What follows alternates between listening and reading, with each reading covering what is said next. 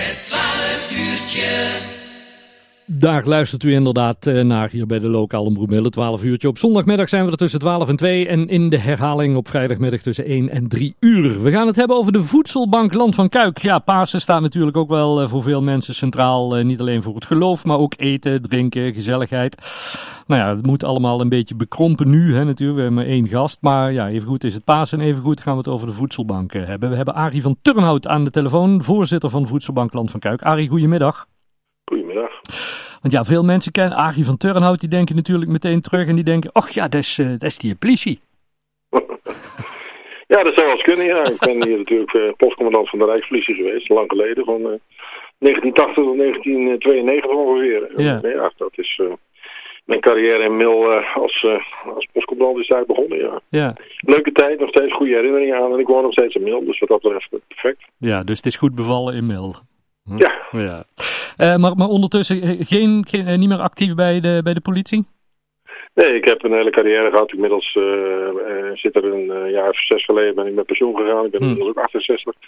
Ja, en de tijd schrijdt voort. En dat betekent dan dat je geen afscheid moet gaan nemen. Ja. Ja, dat heb ik bij deze baas kunnen doen. En vervolgens zijn er andere dingen van de plaats gekomen. Waaronder Ja. het voorzitterschap van de voedselbank. ja, precies. Want net als uh, ja, werken voor de gemeenschap uh, als, als politie, uh, doe je dat nu ook als voorzitter van, van de voedselbank. Hoe ben je daarbij terechtgekomen, Arie? Nou, dat is uh, eigenlijk begonnen, ja, eigenlijk een verlengde van politiewerk. Uh, ze hebben mij toen gevraagd of ik uh, een keer een winkelactie wilde draaien hier in Mil. In verband met het feit dat ze toen de tijd lang houdbare producten verzamelden rond de kerst. En ik kende veel mensen in Mil en het was wel leuk als ik daar ging staan. Want dat zou wat klanten overhalen om erna te doneren. En dat is aardig gelukt. Mm -hmm. En zodoende werd ik eigenlijk screenen. Dat betekent dat je als screener zeg maar beoordeelt of mensen wel of niet in aanmerking kunnen komen voor die voedselbank. En uh, ja, dat is een soort verlengde politiewerk, zeg maar. Dat is toch een beetje uitzoeken van, ja, kom je wel of niet. Okay. En vervolgens uh, was er een bestuurscrisis en toen uh, ben ik daar ingestapt en heb ik de zaak weer beetje wat gereorganiseerd en op nieuwe poten gezet. En dat betekent dat we nu een goed draaiende voedselbank hebben met ruim 45 medewerkers die elke week weer heel actief zijn op drie uitgiftepunten.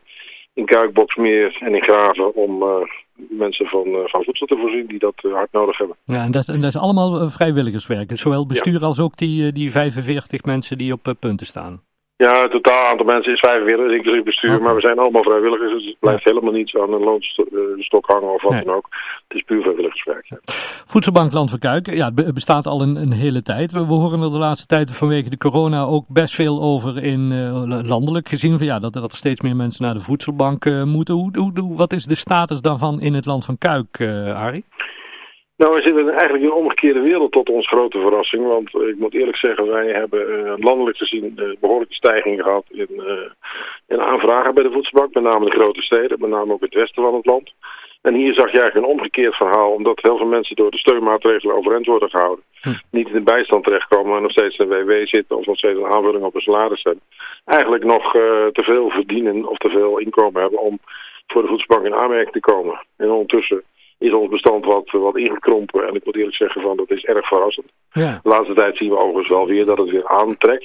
En we hebben nog niet zo lang geleden, of deze week eigenlijk, zeg maar, een campagne gevoerd. Ook via de infobladen van de gemeente, om te zeggen van jongens, probeer ook nou eens even een keer verder te kijken. En eh, kom de schaamte eens voorbij, want dat is ook wel een beetje een probleem. Dat mensen toch vaak denken van ja, ik schaam om naar de voedselbank te gaan. Mm -hmm. Nou, dat is absoluut niet nodig. En wij hebben dus ook opgeroepen van jongens, als je in de problemen zit, kom dan. Want wij kunnen je drie jaar vooruit helpen. En dan kun je in ieder geval in je andere problemen ja. gaan werken om uh, een oplossing te vinden. Want wanneer komt men in aanmerking om uh, een aanvraag te doen bij de voedselbank? Nou, als men ongeveer een vrij, in, vrij in besteedbaar inkomen heeft van, van 60 euro in de week. 60, ongeveer 65 euro in de week netto. Ja. Uh, dat is dus afhankelijk van wat je, wat je vrij kunt besteden aan, aan allerlei andere zaken dan huur, noem maar op. Ja. En uh, dat is ongeveer het bedrag wat je per persoon uh, mag, uh, mag overhouden om een aanmerking te komen op de voedselbank. Dat betekent dat voor gezinnen het bedrag iets groter is. En vaak zitten mensen in de schuldsanering en dan gaan ze er weer uit. En ja, al dat soort zaken spelen een rol. Ja. Wij bekijken dus echt heel individueel of je in aanmerking komt. En we zijn er vrij ruim in op het moment, omdat we natuurlijk ook beseffen... we hebben best heel veel donaties gehad de laatste tijd van de aanhuis. Hadden wij dan ook wat ruimer insteken als het nodig is, is het nodig. Ja, en wat voor donaties krijg je dan? Nou, we hebben veel financiële donaties gehad, met name rond, uh, rond december. Toen uh, heel veel Radio 538 heeft er toen een oh, hele ja. behoorlijke actie aan besteed. ja, er zijn een tal van acties geweest. mensen door de corona ook heel veel aandacht hebben gehad voor de voedselbank. Dat betekent ook dat wij ook goederen hebben gekregen, met name van de restaurants toen de tijd die dicht moesten. Mhm. Voorraden hadden. Bijvoorbeeld van bedrijfskantines die dicht gaan. Vervolgens met voorraden blijven zitten. En al dat soort dingen komen over het algemeen bij ons. Ja, en want, want, want hoeveel mensen uh, of hoeveel gezinnen maken er op dit moment gebruik van de voedselbank in het land van Kuik? Weet je dat zo? Op het moment is het ongeveer een 50.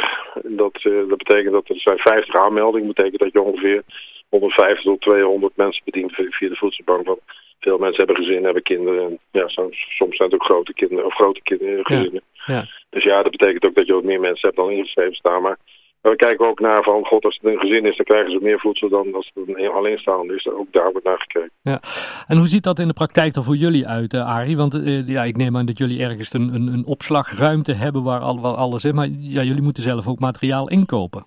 Ja, wij, uh, nou, wij kopen op het moment nog steeds niet in. We hebben oh. wel wat ingekocht. Met name in het begin van de coronacrisis er werd er heel veel gehamsterd. En daar hadden we heel weinig vlees. Daar hebben we wat vleespartijen voor gekocht. Mm -hmm.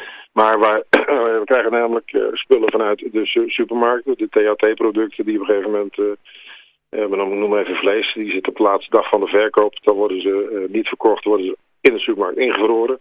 Komt een sticker op en die blijven nog twee maanden goed. Doordat het diepvriesproducten geworden zijn. En vervolgens wordt dat bij ons uitgedeeld.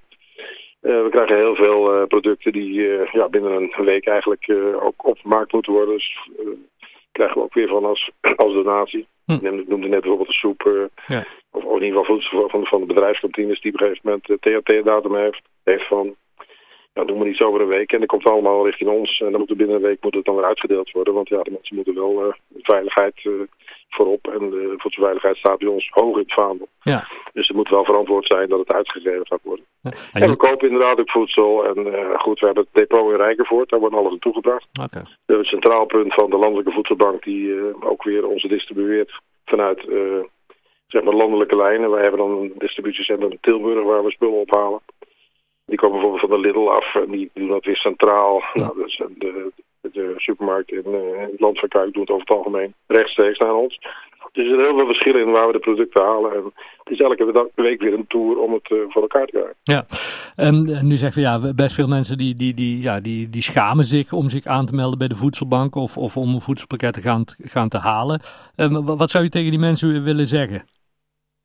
Nou, ik tegen mensen zou zeggen van jongens, uh, stap over jezelf heen. En uh, schaam je nergens voor, want nogmaals, iedereen die geholpen kan worden en binnen no time weer op de rail staat, is belangrijk. Hm. En als wij, als wij, wij jullie kunnen helpen om uh, op fatsoenlijke manier de, de week door te komen, zonder dat je ja, je kinderen te, tekort doet of, of wie dan ook, stap naar ons toe, meld je aan. Wij kijken of je aanmerking komt voor de voedselbank. En als dat zo is, dan word je volledig geholpen en dan krijg je in ieder geval een voldoende wekelijks pakket met voedsel waar je in ieder geval uh, goed de week mee door kan komen. En dat geeft weer een heel stuk zorg min. Ja, en het is ook niet zo dat jullie ergens op, op de website gaan zetten van die, al die mensen die maken gebruik van onze voedselbank. Dit, dit is toch allemaal anoniem, toch? Nee, nee, dat doen we ook, uh, Corné, want dat is ook zo. Want uh, ja, waarvoor zouden wij, wij mensen, ken, mensen kenbaar maken? We hebben ook de wet op de privacy. Dat heeft bij ons, dat staat ook hoog in het vaandel. Ja. anonimiteit is belangrijk. En ja, mensen moeten zich alleen fysiek melden op die voedselbank om dan de spullen op te halen. Ja. ja, op dat moment ben je herkenbaar, maar je staat met allemaal lotgenoten. En weet je, de eerste keer is dat heel vervelend. Ja. En de tweede keer is het gewoon alweer, ja, het went vanzelf. En nogmaals, onze medewerkers die uh, op de uitgiftepunten zijn, die zijn zodanig opgeleid dat niemand zijn mond open doet of wie dan ook, Nee. of wie er ook komt. Dat is absoluut voor ons niet belangrijk. Ze kennen ook geen namen. Soms kennen ze gezichten omdat ze natuurlijk al jarenlang komen. Maximaal drie jaar, maar overigens. Maar ik bedoel, ja, Mhm. dan ken je elkaar. Er ontstaat ook een band.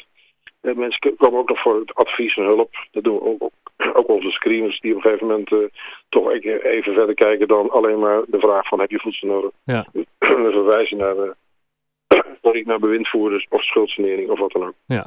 Nou, hartstikke goed. Mensen die nog meer informatie willen en zeggen van, nou, ik, ik vind het wel lastig, maar ja, misschien toch wel een idee om eens uh, aan te kloppen bij de voedselbank. Hoe gaat dat verder in zijn werk? Ja, dat gaat allemaal via onze website, uh, www.voedselbanklandvankuik.nl. Uh, kun je vinden, googlen, dan uh, krijg je automatisch een nummer wat je kunt draaien. Je kunt een formulier invullen. Je kunt contact opnemen met onze secretaris die je op een gegeven moment aan de lijn krijgt. Die verwijst je door naar de screeners. De screeners nemen contact met je op en dan gaan ze kijken wat, voor, wat ze voor je kunnen doen kunnen betekenen. Hartstikke goed. Arie, fijn dat we er even over mochten bellen en een toelichting kregen. Mensen die meer informatie willen kijken, inderdaad even op voedselbanklandvankuik.nl. En uh, ik zou zeggen, ga zo door met jullie goede werk, uh, Arie.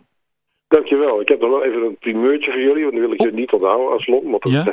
jullie hebben nooit zo gek veel primeurs. Dus nou, vertel, vertel, vertel. Helaas een heel negatieve. Afgelopen donderdag op vrijdag is er bij ons ingebroken in een depot in Rijkenvoort. Oh. En daar hebben ze de koffie weggehaald en de wasmiddelen. Nou, dat is wel diep, diep treurig om een laffe inbraak op een, uh, een, uh, een bedrijfsloods te doen en dan dit soort spullen mee te nemen. Daar zijn we erg, uh, verontwaardigd over. En ja, goed, we kunnen er niks aan doen. Dat is gewoon de andere uiterste.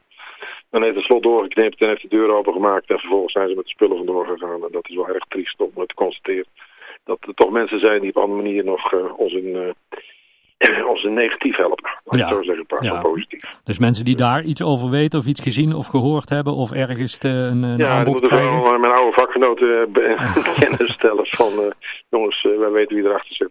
Maar triest vind ik het wel en uh, ja, ik wou het toch even kwijt. Dus vandaar dat ik de gelegenheid heb om even met hem helpen. Heel goed, want het slaat inderdaad totaal nergens op om net te doen. Dat vind ik ook. Arie, dankjewel hè. Jij ook. Groetjes. En, succes. You, houdoe, houdoe.